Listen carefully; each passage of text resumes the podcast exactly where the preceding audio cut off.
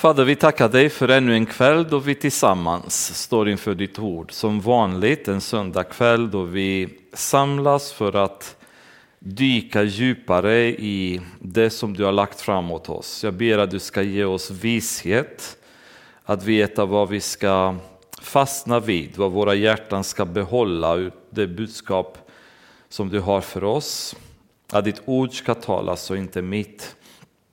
Jag ber att ljus ska falla på oklara områden och förstånd ska öka i var och en av oss ikväll. Så att vi förstår din vilja bättre och började, börja praktisera det mer i våra liv. I Jesu namn ber vi. Amen.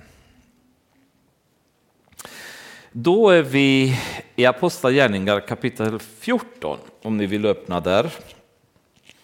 Och um, om ni kommer ihåg i kapitel 13 så avslutade vi med att eh, Paulus och Barnabas blev eh, bortjagade kan man väl säga ur Antiochia eftersom stadens mer ansedda kvinnor hade börjat eh,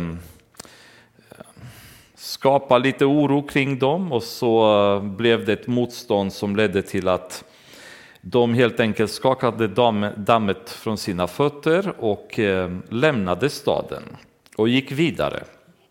Och eh, idag så kommer de gå från Antiochia till Ikonium, till Lystra och till Derbe.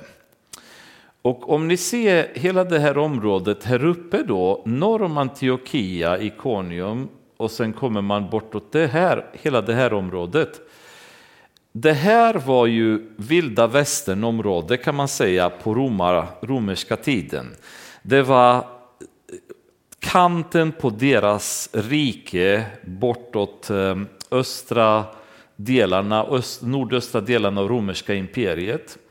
Ehm, och det var bandit, eh, banditområde då Ehm, det fanns utposter i de områdena men de var svaga och romerska statens makt var inte samma som i området som var mer civiliserade. Så de områden där Paulus och Barnabas kommer ge sig in på idag, det vill säga Ikonium, Listra, Derbe här, de var gränsstäder kan man säga till till det mer, mer vilda området då som formades av Galatien och sen eh, längre upp mot Bitinia och så vidare. Um, och det är bra om ni har i åtanke med tanke på vad som komma skall så att ni förstår lite sammanhanget varför det, det händer som det gör. Men de eh, går vidare nu från Antiochia, de skakar av dammet från fötterna och börjar vers 1 och säger i Iconium hände samma sak. De gick, in, de gick till judarnas synagoga och predikade så att många, både judar och greker, kom till tro. Så de gör exakt samma mönster som vi sa att vi kommer se det här mönstret upprepa sig genom apostlagärningarna, det vill säga varenda gång de är ute, de går först till synagogan och därefter så händer saker. De gjorde exakt samma sak i Iconium. Ehm, och den här versen eh, i princip var jag nästan på väg att gå förbi och gå vidare tills jag fastnade kring en sak. Och lyssna på formuleringen. De gick till judarnas synagoger och predikade så att många kom till tro. Så de predikade inte hur som helst, utan de predikade på ett sätt som gjorde att människor faktiskt kom till tro som resultat av deras predikan. Och det fastnade jag väldigt mycket kring. Därför att det är så mycket predikningar idag. Hela interneten är full. Det predikas i kyrkor varenda söndag. Det predikas hela tiden. Men kommer människor till tro som resultat av vår predikan? På vilket sätt predikar vi idag? De predikade så, så att människor kom till tro när de predikade. Och det är någonting som man tänker på väldigt många predikanter och evangelister idag. Predikar vi idag så att människor kommer till tro? Och hur, hur predikade de så att människor kom till tro? blir nästa fråga. Vad gjorde de som var annorlunda än det kanske vi gör idag? På vilket sätt formulerade de sig så att människor kunde komma till tro? Egentligen så ger Paulus ett väldigt bra svar själv kring detta i första Korintierbrevet kapitel 2. Ehm, där han berättar hur han var när han kom in i Korint. Kapitel 2 och så börjar med vers 1 och säger han så här. När jag kom till er bröder var det inte med stor vältalighet eller hög visdom som jag predikade Guds hemlighet för er. Jag hade nämligen bestämt mig för när jag var hos er att inte veta av något annat än Jesus Kristus och honom som korsfäst. Svag, rädd och mycket orolig kom jag till er. Och mitt tal och min predikan bestod inte i ord som skulle övertyga genom mänsklig visdom utan genom en bevisning i ande och kraft. Vi ville inte att er tro skulle bygga på människors visdom utan på Guds kraft. Där har vi svaret. Varför de predikade så att människor kom till tro. De predikade inte i mänsklig vishet, de predikade inte i mänsklig kraft, utan de predikade medvetna om sin svaga mänskliga förmåga, men förlitade helt och hållet på Guds andes kraft och var fyllda av helige ande och kraft från honom. De försökte inte att imponera på folk, de försökte inte att filosofera med dem, de försökte inte att använda tricks för att få dem att ansluta sig till Kristus, utan de gick in i ett område, i det här fallet, som var ganska så tufft att medverka i. Men de gick in svaga som människor med starka i Guds ande och predikan gjorde så att människor kom till tro.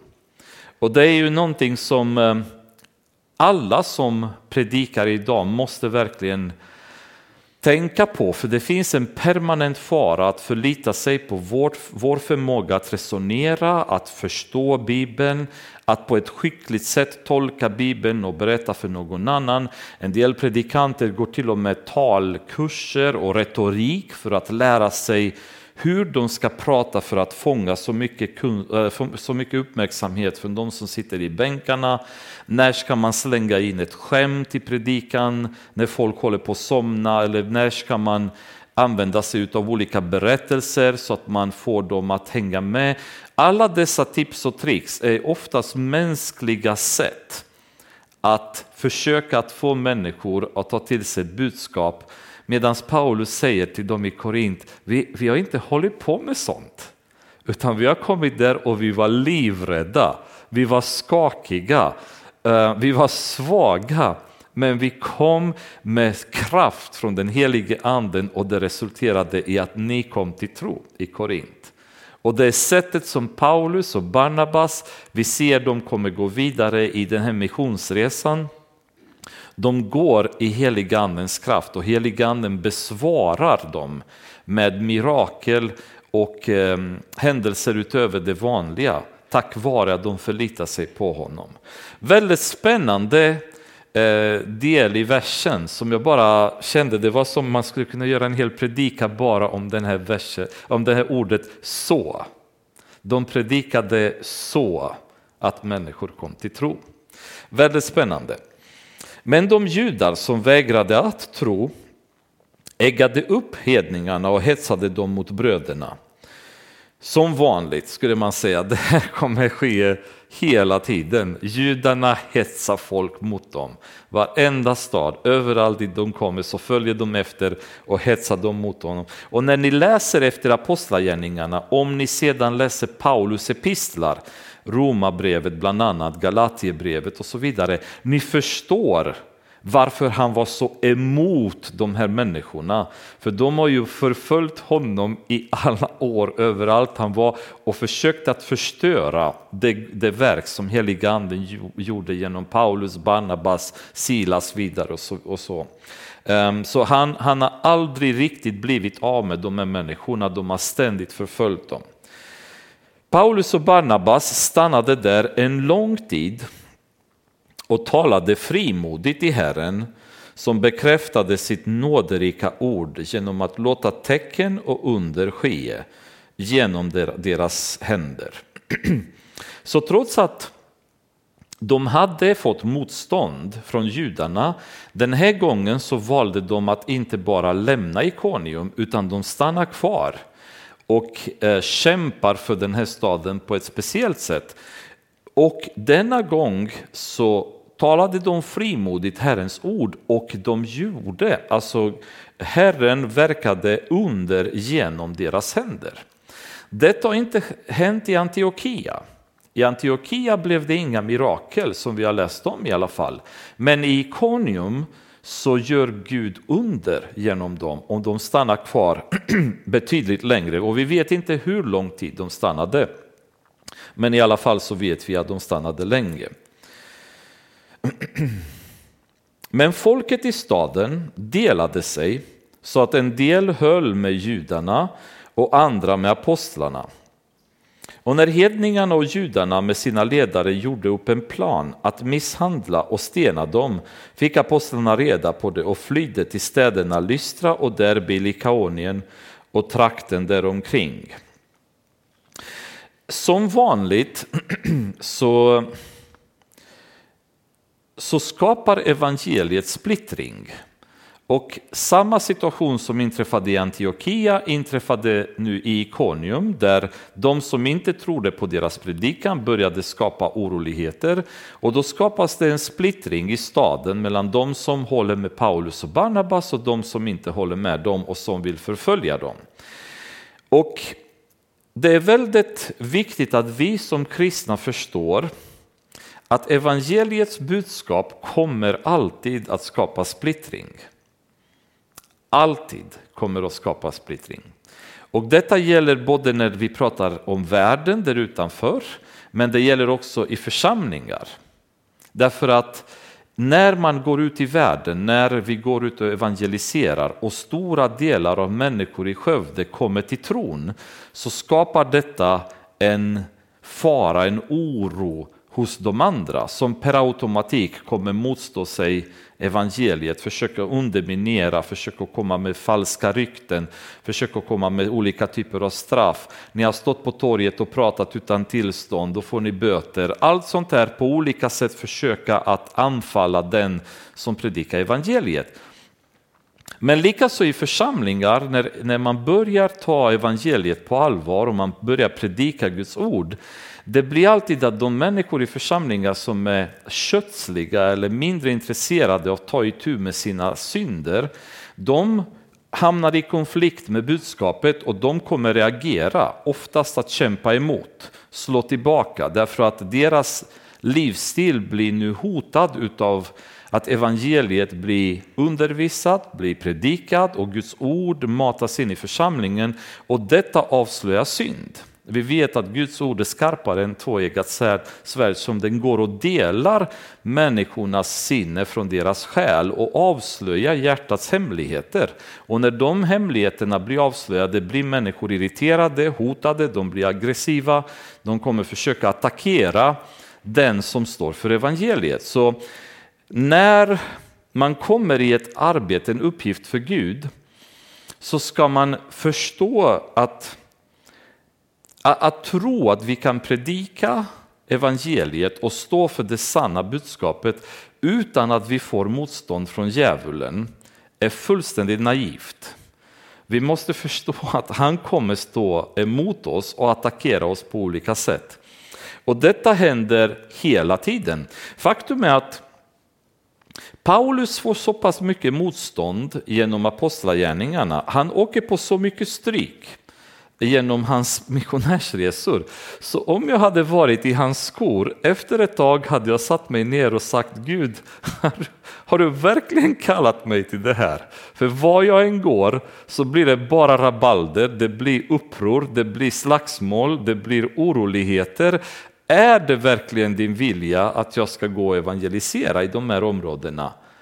Jag vill ha lugn och ro, jag vill ha frid, jag vill se glädje, jag vill se människor som tycker om mig när jag kommer dit. Inte bli slagen och bespottad och stenad och, och, och piskad från stad till stad där jag kommer till är verkligen din vilja. Så man verkligen, så jag säger, när, när vi idag möter så pass, motstånd, så pass mycket motstånd så tror jag många av oss skulle ifrågasätta kallelsen. Om verkligen Gud har kallat, kallat oss till detta. När vi ser att folk i församlingen är sura på oss, är det verkligen Guds vilja att vi ska säga det vi säger? För folk verkar inte tycka om det vi säger. Vi skapar lite oro, de tycker inte om oss, de blir arga, det är dålig stämning på mötena. Är det verkligen Guds vilja att jag ska säga det jag säger?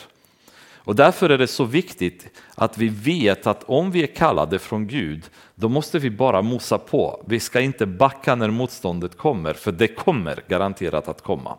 Och det första som hände i Ikonium igen, det är att Eh, sina ledare så att säga blir upphetsade och så ger sig de på, på, på, de, på apostlarna. Det är också så här att när man är en person med stor befattning, man är en hög, höguppsatt politiker, man är en, ett statsöverhuvud, man är en företagsledare, en chef, en VD, ehm, en viktigare person i samhället ska ni veta att Generellt sett, ju högre position man har, desto svårare är det för människor att ta emot Kristus. Tyvärr.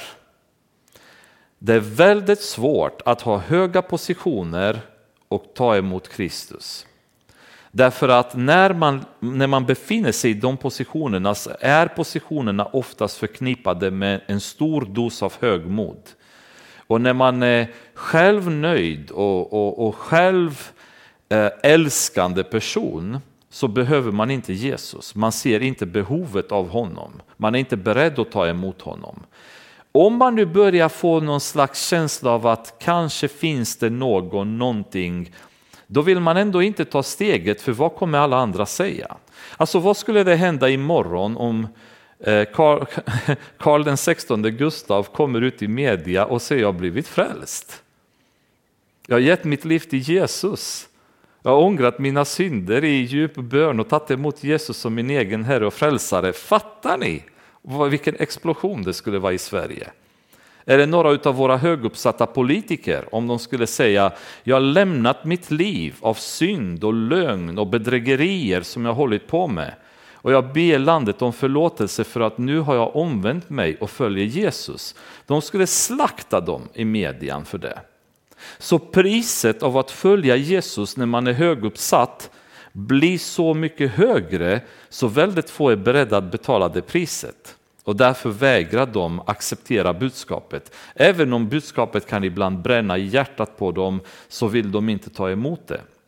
Det är också så att genom att omvända sig så betyder det som i alla andra fall att vi måste lämna vårt gamla liv och börja ett nytt. Vilket blir ett hot för vår position, vår makt, eh, våra planer, till exempel hur vi ska styra landet och så vidare, eller ett företag. Så det blir jätte, jättesvårt för de som är ledare och höguppsatta att ta emot Jesus. Ehm, och därför möter vi också i Apostlagärningarna oftast hur ledare i städerna till slut ger sig på apostlarna. För att budskapet tränger inte igenom på den nivån. De vill inte, de vägrar, de accepterar inte det. Det är väldigt svårt tyvärr och det, det är lite sorgligt att man inte är beredd att lyssna till evangeliet. För det är också väldigt märkligt att en religion som är så noga med att predika lydnad, att predika respekt för överheten som kristendomen gör. Att predika vikten av att underordna sig överheten därför att all överhet kommer från Gud. Att be för våra ledare så att Gud bevarar dem. Därför att Paulus säger i Timoteus, genom att göra det så får vi ett fridfullt liv. Så hela kristendomen är en religion som hela tiden uppmuntrar till frid, till lydnad och inte till revolution och uppror. I Romarbrevet 13 kan vi läsa i kapitel 1. Det är ju en sån uppmaning kring hur vi ska bete oss. Och det står så här från vers 1. Varje människa ska underordna sig den överhet hon har över sig. Ty det finns ingen överhet som inte är av Gud, och den som finns är insatt av honom.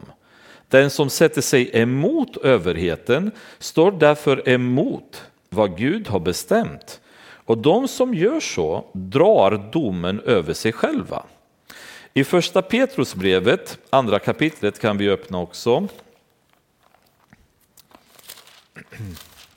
Vers 13 och 14. Det är liknande, liknande uppmaning där det står underordna er varje myndighet och här står det väldigt tydligt för Herrens skull. Så det är Gud som kräver detta.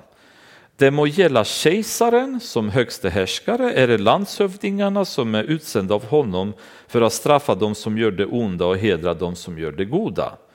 I första Timoteusbrevet så kommer vi till den som jag nämnde precis i kapitel 2, vers 2, där Paulus uppmanar Timoteus på ett väldigt vackert sätt kan man säga.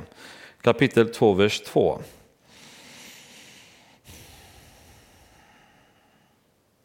Ja, vi kan börja från eh, vers 1 egentligen. Först av allt uppmanar jag till bön och åkallan, förbön och tacksägelse för alla människor, för kungar och alla i ledande ställning så att vi kan föra ett lugnt och stilla liv på allt sätt gudfruktigt och värdigt. Så kristendomen är en religion som uppmanar människor till det här beteendet. Är det inte märkligt då att det är överheten som alltid så aggressivt förföljer kristna. Varför skulle, skulle kinesiska regeringen vilja förfölja kristna när kristna säger att vi måste lyda den här regeringen, vi måste be för den här regeringen. Varför skulle Kim Jong-Un i Nordkorea döda kristna och sätta dem i koncentrationsläge när hela syftet med deras leverne är att lyda honom. Därför att de anser att han är insatt i den positionen utav Gud själv. Gud har tillåtit honom att vara där. Hur ond han må vara, är det elak, så är kristna uppmanade inte att göra revolution utan att lyda honom. Så varför skulle någon som är ledare i ett samhälle, i ett land, vilja förfölja kristna när kristna i själva verket ska lyda den personen, ska lyda den regeringen? Men jag tror att väldigt många gör det av samma anledning till att vi är inte gillade överlag och Jesus egentligen ger svaret på detta själv i Johannes evangeliet kapitel 15. Och det finns ingen logik i förföljelsen, det finns ingen, ingen vett i det utan det beror helt och hållet på kapitel 15, vers 19 Johannesbrevet. Om ni vore av världen skulle världen älska er som sina egna, men ni är inte av världen, utan jag har utvalt er och tagit er ut ur världen. Därför hatar världen er. Det finns ingen logik, det finns ingen vett i att vi är förföljda, men världen hatar oss därför att vi tillhör inte världen. Vi tillhör Gud. Och denna världens furste som styr världen, Satan, han mobiliserar alla sina styrkor mot oss. Och det finns inget, ingen vett, det finns ingen anledning att göra det, men han gör det i alla fall. Och därför måste vi vara medvetna om att den här förföljelsen kommer. Men apostlarna fick reda på det i alla fall och de flydde till städerna Lystra och Derbe. Och här kan man undra, är det inte lite fegt? Alltså, ska de sticka iväg, de ska undvika de jobbiga stunderna för att få det lite bekvämare. Varför stack de iväg i början på apostlagärningarna från Jerusalem ut i andra jude, judeiska städer och till Samarien? Varför stannade de inte där och kämpade som riktiga trogna människor? Faktum är att Jesus själv hade uppmanat dem att göra det. I Matteus evangeliet kapitel 10, vers 23 säger han, när man förföljer er i en stad så fly till en annan. Så att domdristigt exponera sig för faror och för stryk är helt meningslöst. Ehm, det finns tillräckligt med situationer när vi kommer åka på det utan att vi kan göra någonting åt det. Men att frivilligt och glatt eh, bara exponera oss till att, att lida, det, är ju, det finns ingen mening i det. Utan Jesus sa till dem att om de förföljer er på ett ställe, dra därifrån, fly till någon annan stad. Och det är precis vad de gör här i den här ehm, versen. De flydde då från Ikonium till närliggande städerna som tillhörde regionen Likaonien. Då. Och det var Derbe och Lystra. Där fortsatte de att predika evangeliet. I Lystra fanns det en man som från födelsen var lam i fötterna och aldrig hade kunnat gå. Han hörde Paulus predika. Denna fäste ögonen på honom och när han såg att mannen hade tro så att han kunde bli botad sade han med hög röst, res dig upp och stå på benen. Då hoppade han upp och började gå omkring. Så nu har Barnabas och Paulus varit igång ett tag och predikat evangeliet i Lystra och Derbe. Och en sån, vid ett sådant tillfälle så ser, de, ser Paulus att en man som sitter och lyssnar på dem, han fixerar blicken på honom och Paulus ser på mannen och förstår att mannen har tro att bli, att bli botad. Och framför alla dessa människor som står och tittar på honom där så ropar Paulus till honom, res dig upp och stå på benen. Och det måste jag säga, det, det kräver ju en del mod. För vad händer om man inte reser sig upp och står på benen? Eller försöker att resa, upp, och resa sig upp och så trillar han. Det är ungefär så vi hade tänkt, eller hur? Jag hade definitivt varit livrädd att komma i ett sånt område där de är halvvilda och sen försöka sådana experiment som plötsligt visar sig inte fungera. Ni vet väldigt mycket om idag om hur många sådana här helande predikanter står och fejkar sådana här äh, grejer på scen över hela världen och det är inte helt ovanligt. Äh, men det går inte att fejka när alla står där och tittar och, och mannen är sjuk sedan födelsen. Det är lätt att fejka ont i ryggen, ont i huvudet eller jag har lite yrsel och nu har jag blivit botad. Men när killen inte kan gå och alla vet vem man är, sen barnsben har han varit eh, förlamad. Du kan inte stå där som Paulus och ropa att han ska resa sig och gå eller hoppa på benen om du inte verkligen vet att det är Guds vilja att han ska bli frisk. Och det är ju det som jag skulle vilja säga, det är det som får mig så mycket tveksam till väldigt mycket av det som kallas helande idag inom kristendom och det som vi ser, det vi hör av. Ehm, när lite halv upphetsade karismatiska predikanter predikar om helande så berättar de om stora skaror människor på olika evangelisationskampanjer som blir helade. Men det är märkligt att vår Gud, vår allsmäktige Gud som kan bota människor, kan bara bota huvudvärk och ryggvärk och yrsel och sådana sjukdomar idag. När det jag ser i apostlagärningarna, det jag ser i evangeliet, det är att blinda människor har fått sin syn tillbaka. Förlamade människor har hoppat upp och gått. Jag ser liksom tydliga, klara, allvarliga sjukdomar där det inte finns någon som helst räddning för i världen. Hur Gud genom sina verktyg, apostlarna, genomför mirakel och de här människorna blir botade. Och i det här fallet en, en person som hade varit lam, lam från födelsen. Han kunde inte gå. Och har man varit lam från födelsen då kanske ni sett någon gång hur lemmarna blir, alltså man atrofieras så allting blir bara tunt. Det finns inga muskler, det finns ingenting. Så han måste ha haft väldigt, väldigt, väldigt, väldigt tunna ben då. Och plötsligt så står Paulus framför honom och säger till honom, res dig upp och stå på benen. I bästa fall hade någon av oss idag kanske viskat det i örat på honom och broder kan du försöka och se om Jesus hjälper dig. Försök, ta tag i mina armar så ska jag försöka och, och, hjälpa dig att se om du kan resa dig i Jesu namn. Och så hade vi skrikit förmodligen så mycket i Jesu namn i hopp om att ju högre vi skriker desto mer kommer Gud verka. Men det är inte det det handlar om. Det är inte hur mycket vi skriker, det är inte vilka tricks vi gör.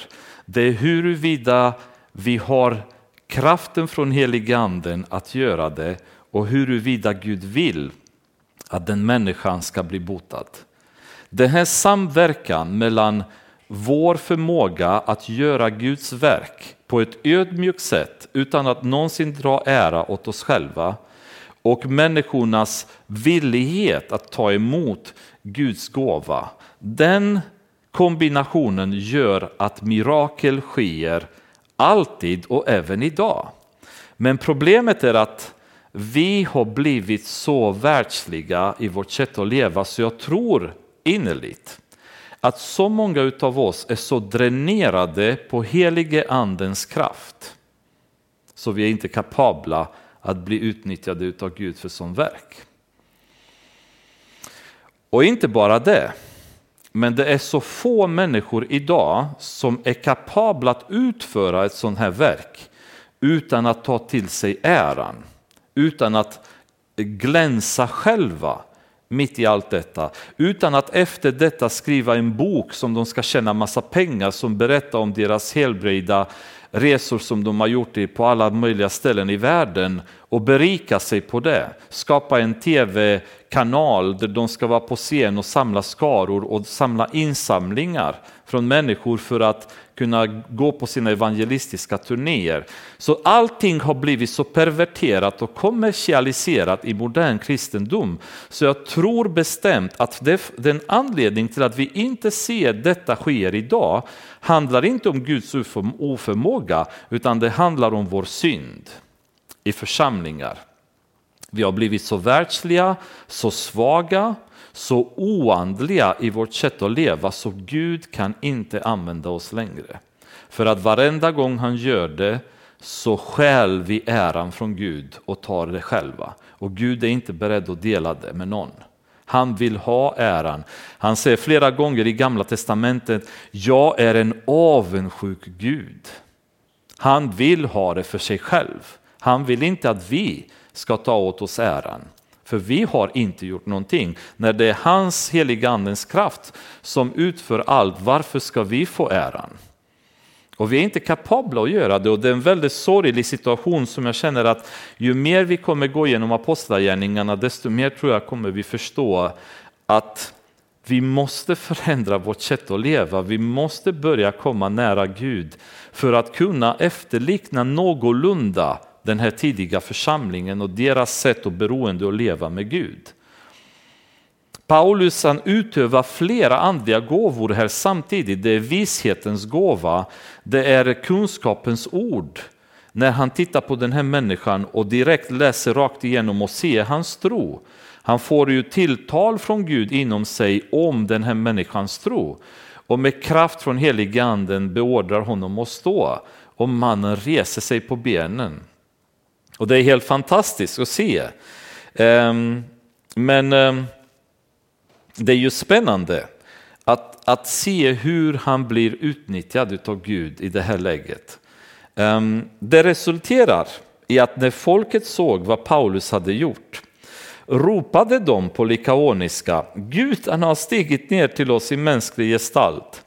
Och de kallade Barnabas för Zeus, som var Eh, grekernas så att säga, störste gud. Eh, och Paulus för Hermes, eftersom det var han som förde ordet. Hermes var den som förde talan åt de grekiska gudarna och de kallade honom för Hermes. Och prästen i Zeus-templet utanför staden förde fram tjurar och kransar till portarna och ville offra tillsammans med folket. Alltså föreställ er eh, spektakel som hade blivit där. Så där mannen blir botad, han ställer sig upp. Hela staden rusar fram och säger gudarna har kommit ner på jorden. och själva prästen plötsligt dyker upp från sitt tempel, släpar på massa tjurar längs med gatan för att offra dem till Paulus och Barnabas. Och det är så fascinerande att se detta därför att Paulus och Barnabas de hade redan varit i staden, det, står i vers 7, där fortsatte de att predika evangeliet, det vill säga i Lystra bland annat. Så de hade redan predikat evangeliet där ett tag.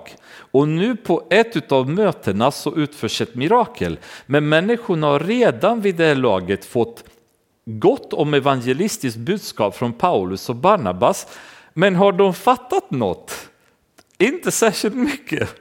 För när miraklet sker, då rusar prästen ut ur templet och säger Zeus och Jupiter och Hermes är här, nu ska vi offra till dem. Och man skulle nästan säga om Paulus och Barnabas skulle varit där, måste undra, men har ni inte hört vad vi har pratat om i alla dessa dagar tills nu? Hur kan ni tro att vi är Zeus och, och Hermes? Men det är också visa hur människorna är beredda att permanent tillbe skapelsen istället för skaparen eller tillbe verktyget istället för att tillbe den som manövrerar verktyget. Så vi är alla verktyg i Guds händer, men människor oftast vill ge ära, vill dyrka människan, kanalen genom vilket Gud väljer att arbeta, snarare än att, att dyrka Gud och prisa Gud för det han har gjort. Permanent så är det det här problemet i Bibeln om hur människor rusar att tillbe andra människor. Och även idag, ni ser påven som åker runt i världen och folk kysser hans hand och man bara känner, men snälla, det är Jesus ni ska be, inte påven, inte någon pastor, inte någon predikant, inte någon evangelist och så vidare. Jag tycker det är ganska bedrövligt när varenda gång det, det annonseras någon slags evangelisation, kampanj, vad som helst, så är det bilder på människan på, på posters. Jag förstår aldrig varför skulle jag behöva ha min bild på en affisch för att människorna ska komma till ett möte eller till en konsert eller till eh, väckelsemöte eller vad som helst. Varför måste jag synas på bilden? Varför inte göra en affisch som på något sätt framhäver Gud? Där han ska synas och höras, inte vårt namn, inte det vi är. Och det leder permanent till att folk börjar så småningom, eh, ah, inte kanske direkt dyrka, men beundra, söka efter vissa namn, efter vissa personer och ser upp till dem hela tiden och glömmer bort att den som är bakom allt är Gud.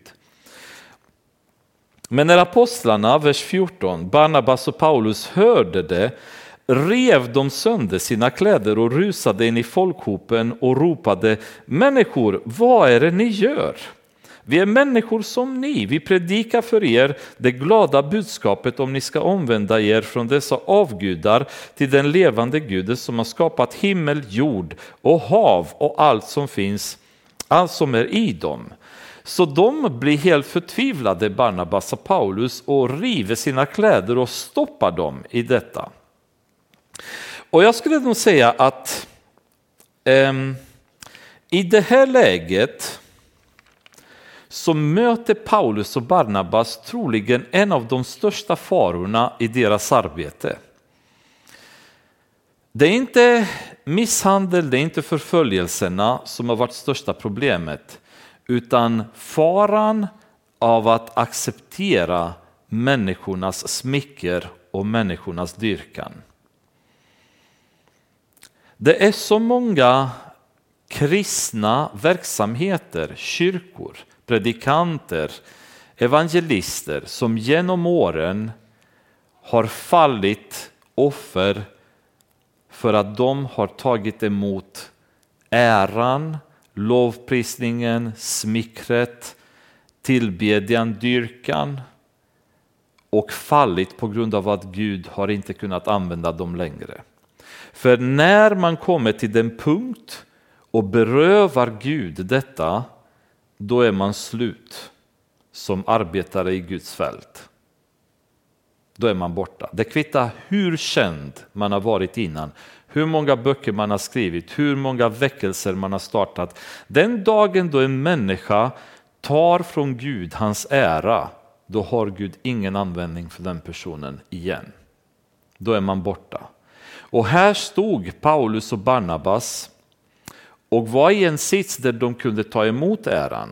Och jag ska tala om för er hur väldigt många av de moderna predikanterna skulle ha gjort idag.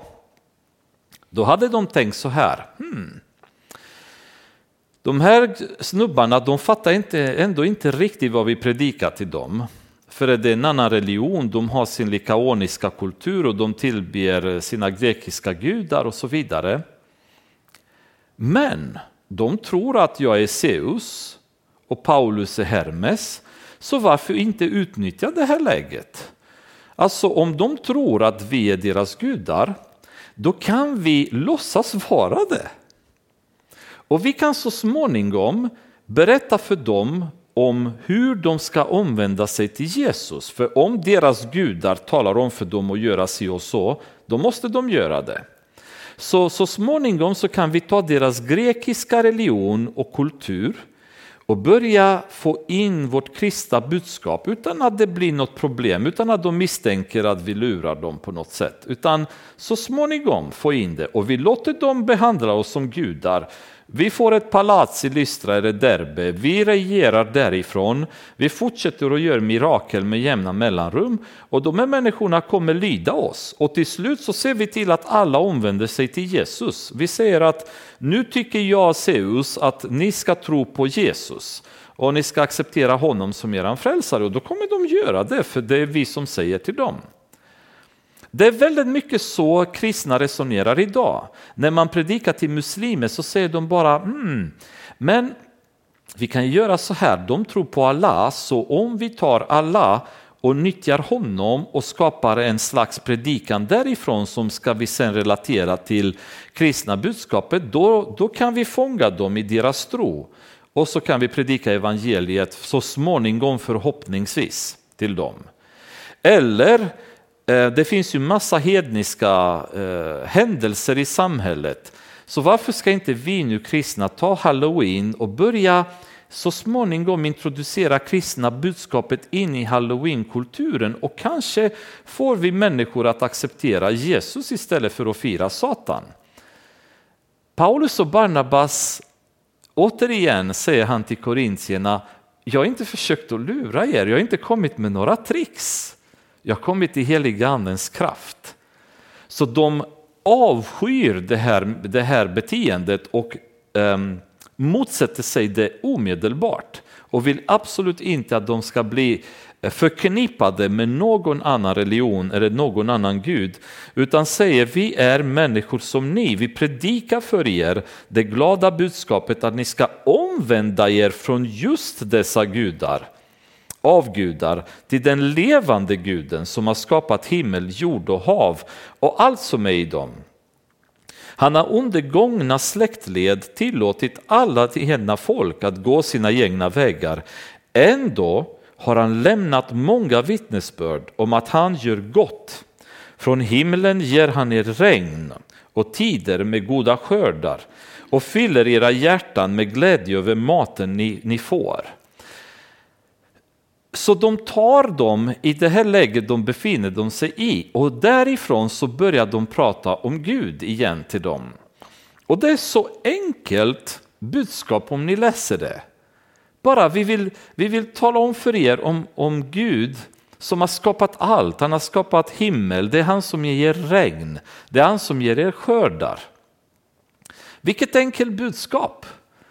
Eh, vilket annorlunda budskap jämfört med Paulus predikan i Antiochia som vi hade förra gångerna, där det var nästan eh, två bibelsidor fulla med resonemang från gamla testamentet ända in till idag. Det är borta.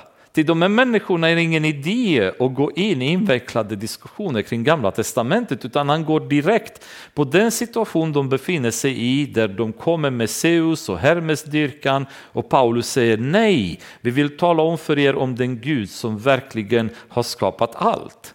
Han finner dem i den situation de befinner sig i. Och en annan, ett annat problem eller en annan eh, Ett annat fel som vi ibland gör, det är att vi vill upprepa metoder som har gett framgång tidigare och använda dem i alla sammanhang. Istället för att vara lyhörda till heliganden kring hur vill han att vi ska bete oss i den här situationen. Ehm, och jag har ett väldigt gott exempel om en pastor som var på en, eh, ett bara vanligt möte i kyrkan och de hade som vi har ibland lite eh, förbön därefter.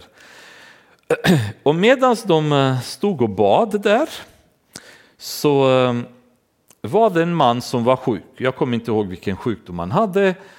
Bad för mannen och då, då sa han och i Jesu namn avslutade han bönen om att han ska bli frisk och sa det lite på en, ett visst sätt i Jesu namn. Och så blir mannen frisk. Och pastorn var helt utom sig. Han hade knappt ens räknat med att det skulle hända och han var så glad och så vidare. Nästa söndag då var det förbön igen.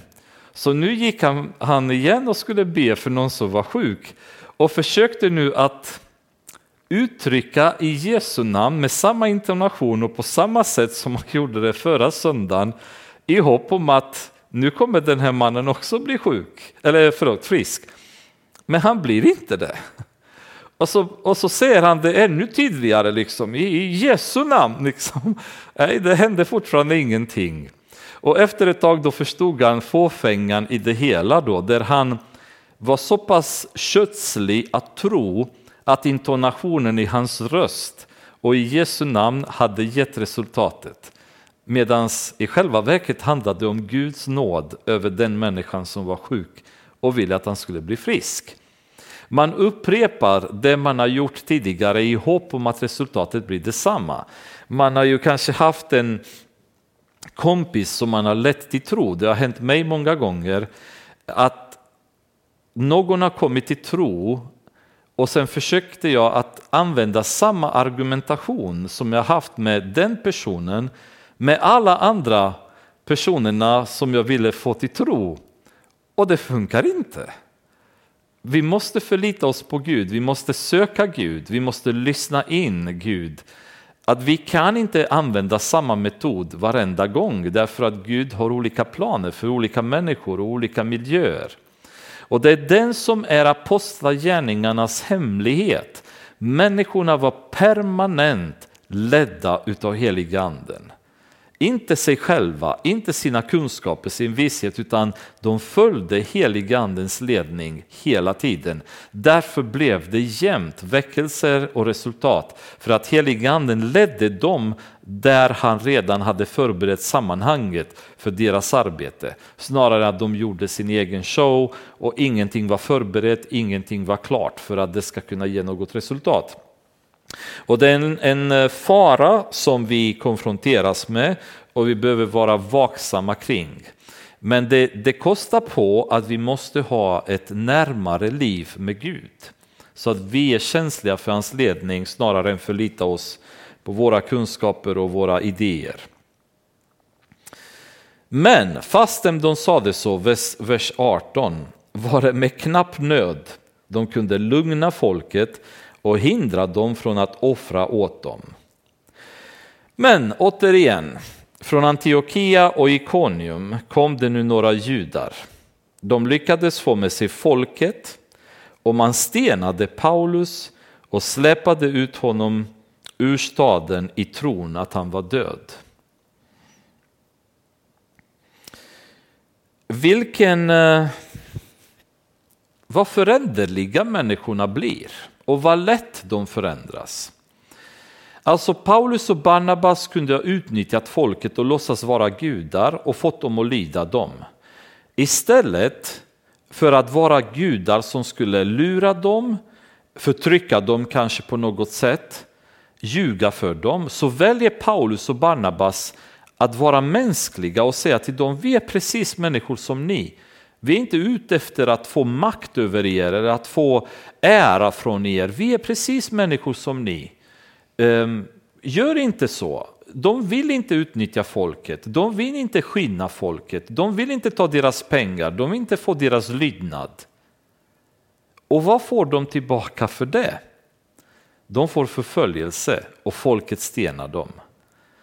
Men återigen, anledningen till det, det är att de tillhör inte världen utan de tillhör Gud. Och det faktum att de, de lever och de är ödmjuka i sin inställning gör att de tappar respekten hos folket. Därför att det är ju så att det är väldigt många människor som älskar att bli utnyttjade. Det finns så många församlingar idag som är korrupt styrda, som har predikanter som skinnar flocket som bara den. Deras pengar, deras tid, deras ansträngning. Och trots att detta är så tydligt så sitter folk där och låter sig själva bli utnyttjade.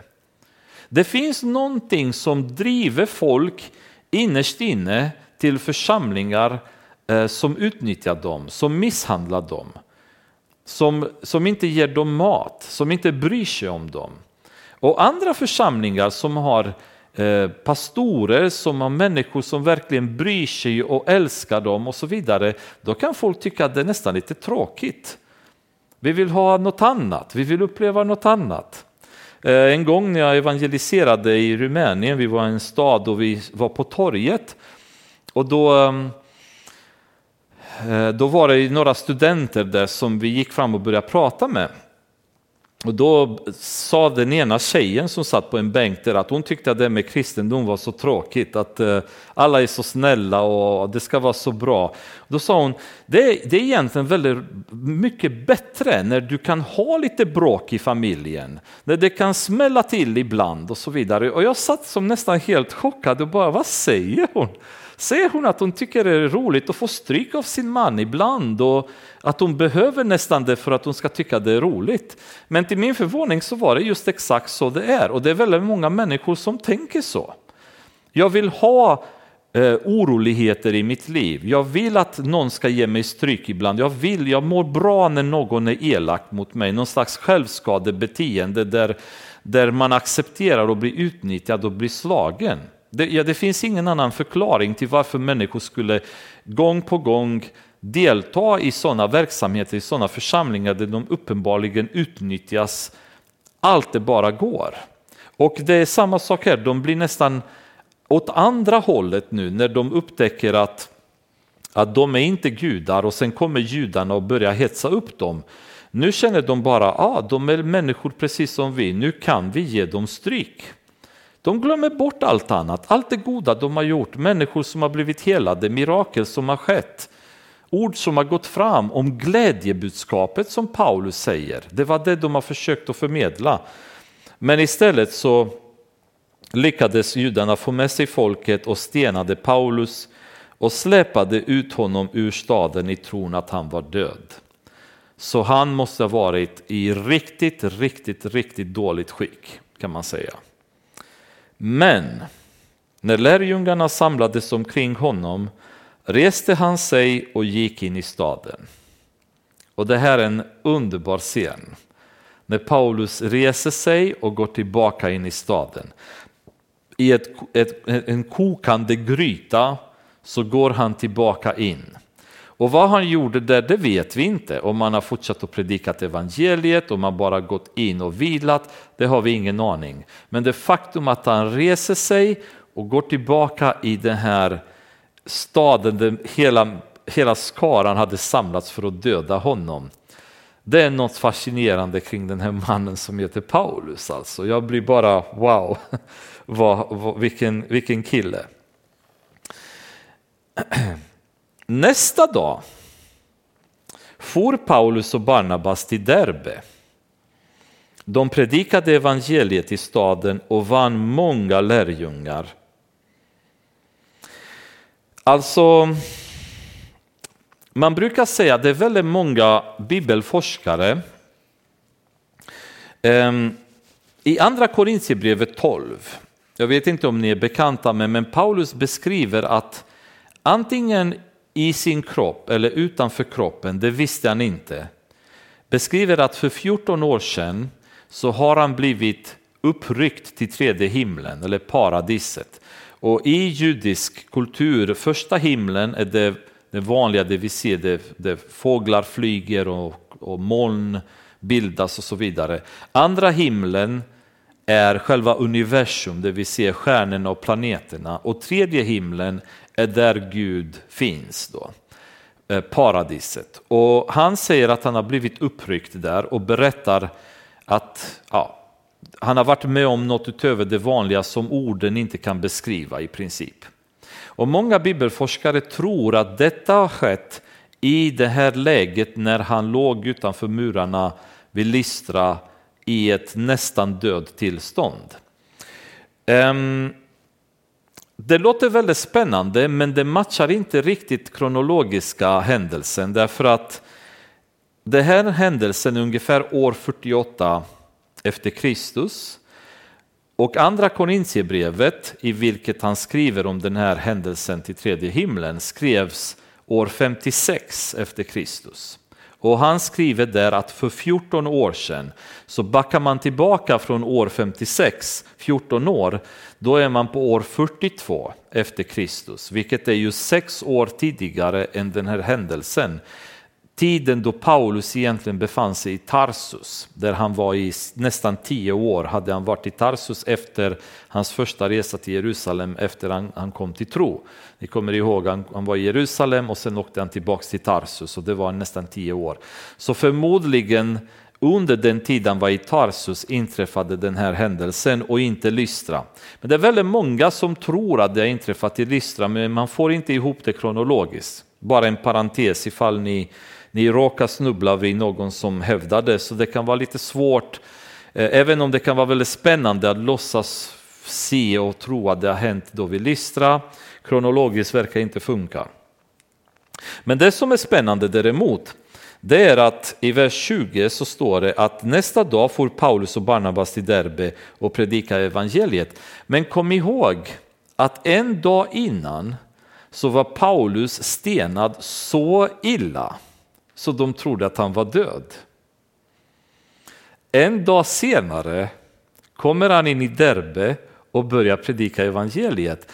Så kan ni föreställa er hur den här mannen såg ut när han kom in i Derbe. Alltså han måste ha varit genomblodig, blåmärken, eh, troligen brutna lemmar, skallskador. Ni föreställer er hur man ser ut efter en stening. Det är inte riktigt den bilden vi har av en framgångsrik predikant, eller hur? Jag kan föreställa mig en framgångsrik predikant med dagens moderna mått komma med sin jetplan och landa och åka med sin Rolls Royce från flygplatsen, eh, komma in med bodyguards på scen och börja predika evangeliet snyggklädd, snyggfriserat, Gucci-kläder, Armani-skor. Det är så en framgångsrik predikant ser ut. Inte misshandlat och blodig och med brutna ben. Komma in i Derbe. Vad är chansen att du överhuvudtaget kan konvertera någon till tro när du ser ut i det läget? Alltså föreställ er, om någon sån kommer in i Skövde idag och börjar predika om Jesus, då säger man han är en alkis. Vem är den här lodisen som kommer in? Kalla polisen, så här kan man inte ens se ut. Men i det här tillståndet åker Paulus in i Derbe för att predika evangeliet för folket. Varför gör han det? Jo, därför att i andra Korintierbrevet, femte kapitel, vers 14 säger han till Kristi kärlek driver oss. Den var Paulus. Kristi kärlek driver honom till att predika evangeliet. I eh, Filipperbrevet kapitel 1, vers 21 säger han, till för mig är livet Kristus och döden en vinst. För honom att leva var Kristus. Så så länge han stod på benen behövde evangeliet predikas. Han var ett vrak, hela han, när han kom in i Derbe, men börjar predika evangeliet. Vilken skillnad kan man säga från det vi ser idag. Vilken skillnad från eh, evangeliets budbärare idag som ser bara framgång som det viktigaste i deras liv så kommer han i eländigt tillstånd och predika evangeliet men vann många lärjungar. Varför? Jo, återigen, vi har svaret i andra Korintierbrevet därför att han kommer in svag, darrande, knappt står på benen men i helige andens kraft. Vilken skillnad det gör att komma in i helige andens kraft.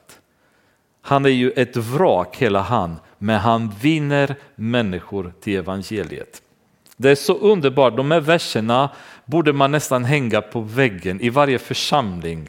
Eh, Apostlagärningarna kapitel 14, vers 20 och 21. Det är så vi kristna bör vara beredda att leva för Gud. Och det är det vi bör vara beredda att stå ut med för evangeliets skull. Sedan återvände de till Lystra och Iconium och Antiochia. Så nu vände de tillbaka helt enkelt. De, eh, från Derbe här, de kunde ha dratt raka vägen till kusten, men istället så väljer de att gå tillbaka samma väg som de gick tidigare.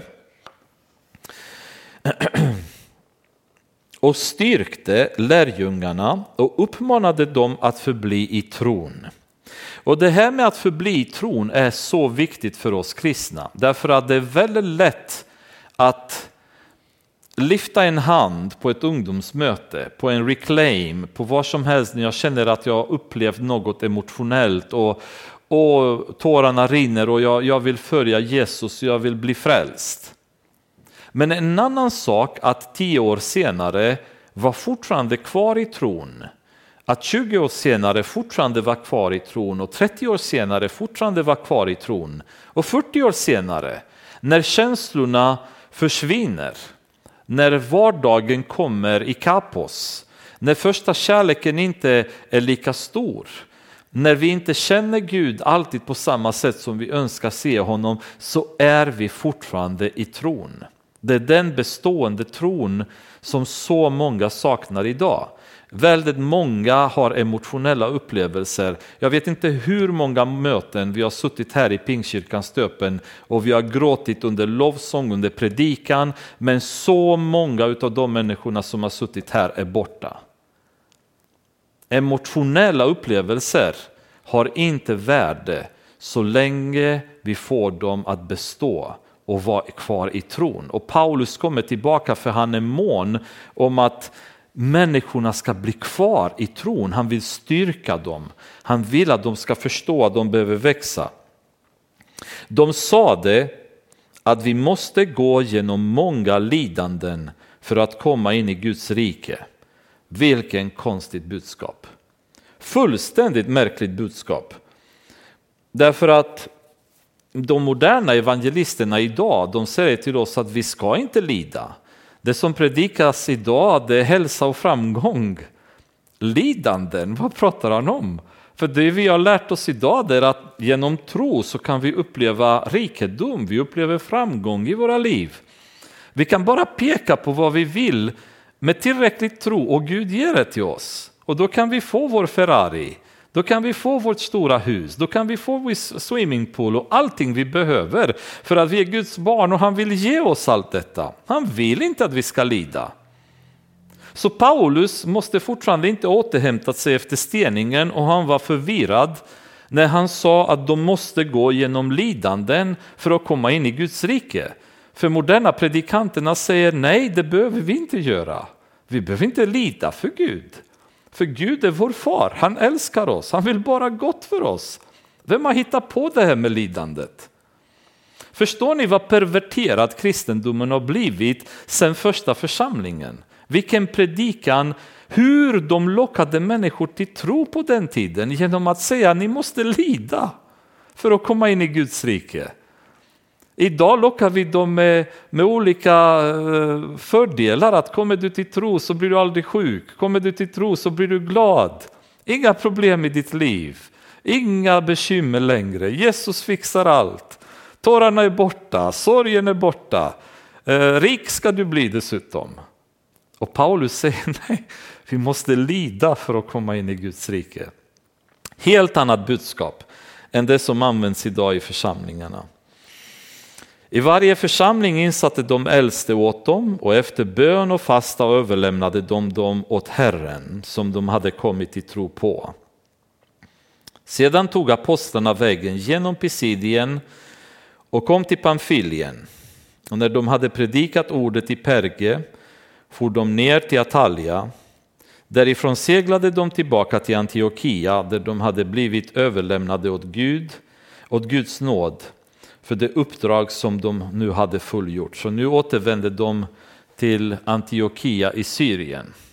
Så från Atalia härifrån så seglade de tillbaka hem till Antiochia där de hade sin stora bas kan man väl säga då. Och när de hade kommit dit kallade de samman församlingen och berättade om allt vad Gud hade gjort med dem och hur han hade öppnat trons dörr för hedningarna och de stannade ganska länge där hos lärjungarna. Ehm, en första missionsresa som var full med upplevelser och lidande och förföljelse och stryk, men där både Paulus och Barnabas stod fast och höll ställningarna.